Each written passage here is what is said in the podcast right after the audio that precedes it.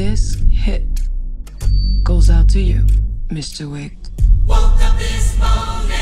42 regular, wasn't it? Yeah.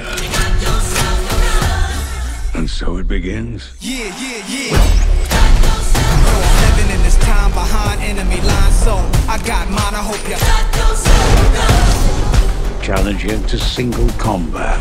If you win, you'll have your freedom. And when I see you, I'ma take what I want, so.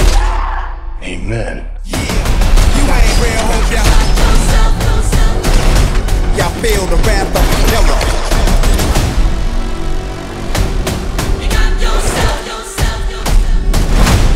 Many try, many die if you wanna war.